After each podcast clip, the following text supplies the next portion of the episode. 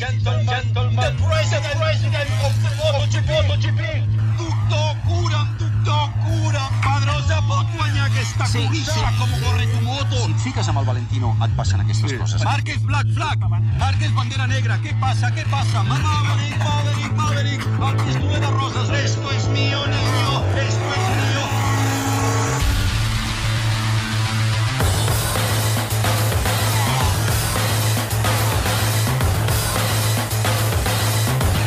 Maverick Viñales podrà complir el seu desig de córrer al costat de Valentino Rossi les pròximes dues temporades. Serà pilot Yamaha MotoGP entre el 2017 i 2018. Damià Aguilar, bona nit. Bona nit, Garriga. Per fi s'ha acabat aquest col·laborot. Bé, no, no sé si s'ha acabat, perquè fins dijous no serà oficial, però sí. Ahir va signar a Itàlia el contracte pel qual serà pilot oficial Yamaha i tema important, al costat del seu ídol Valentino Rossi. El que sota una mica és que s'ha allargat bastant en el temps. Doncs segons com s'hauria pogut allargar més, Ah. perquè de fet ha estat Yamaha qui ho ha forçat. La clau de la qüestió no és si el Maverick volia Yamaha o Yamaha volia el Maverick o Suzuki volia el Maverick. Una cosa són els desitjos i l'altra és el que estava signat prèviament perquè hi havia una clàusula a l'actual contracte de Vinyales per la qual hauria pogut perfectament continuar lligat a Suzuki una temporada més i l'haurien pogut obligar. Vaja, o sigui que aquesta operació podria no haver-se fet. Pel que dius, hi ha hagut una doble negociació? Pel que sabem, Maverick Viñales li ha d'agrair eternament a Suzuki haver pogut signar per Yamaha. Perquè hi havia una clàusula. Una clàusula que què deia aquesta clàusula? Era molt complicada? Aviam, eh, te'n faig 5 cèntims i si penseu en clau futbol ho entendreu de seguida. A veure, de va. qualsevol oferta, de qualsevol oferta que tingués el Maverick, Suzuki tenia dret de tempteig, atenció, fins 15 dies després del Gran Premi d'Alemanya. Això en el cas que el pilot estigués entre els sis primers de la classificació, i us recordo que ara és cinquè. Mm. Gran Premi d'Alemanya, Sachsenring, estem parlant del 17 de juliol.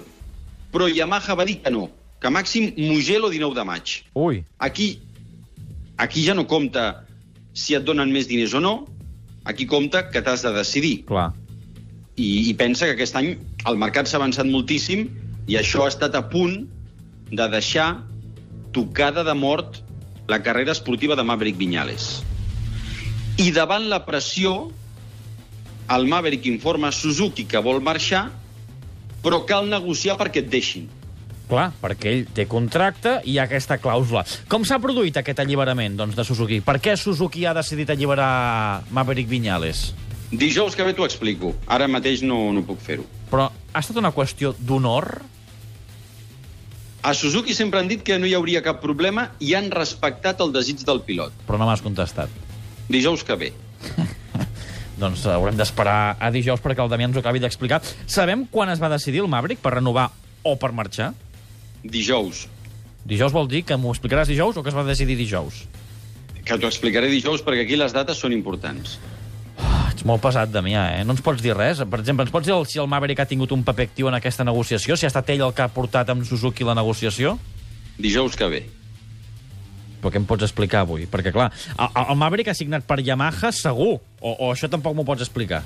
No, no, això t'ho pots ben creure, encara Ah. que l'operació l'operació no ha estat bufar i fer ampolles i fins que no va signar ahir no s'ho va creure. I això també m'ho explicaràs dijous, no? Fins on pugui explicar-te, segur. Maverick Viñales, el primer pilot català de MotoGP que s'ha assegurat el futur. Ara falta veure què fan Márquez, Pedrós, els Espargaró, Tito Rabat, Àlex Rins, que pujarà a Moto2.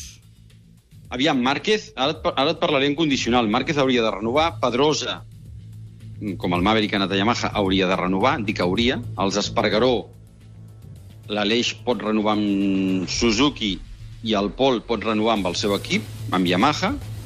Tito Rabat té un 1 més 1, la qual cosa vol dir que segurament al setembre les dues parts es poden posar d'acord. I atenció, Àlex Rins, que òbviament pujarà de Moto2 i que vol pujar de Moto2 i que vol anar a un equip oficial, ara mateix estaria més a prop de Suzuki que d'una altra banda, en aquesta moto que deixa lliure el Maverick. El que jo espero de tots aquests pilots és que no tinguin clàusules com les de Vinyales, perquè si no acabarem tots baldats. Saps què et dic, Damià? Què? Dijous t'espero. Molt bé, parlem. Dijous t'espero. Gràcies, Damià Aguilar. Adéu.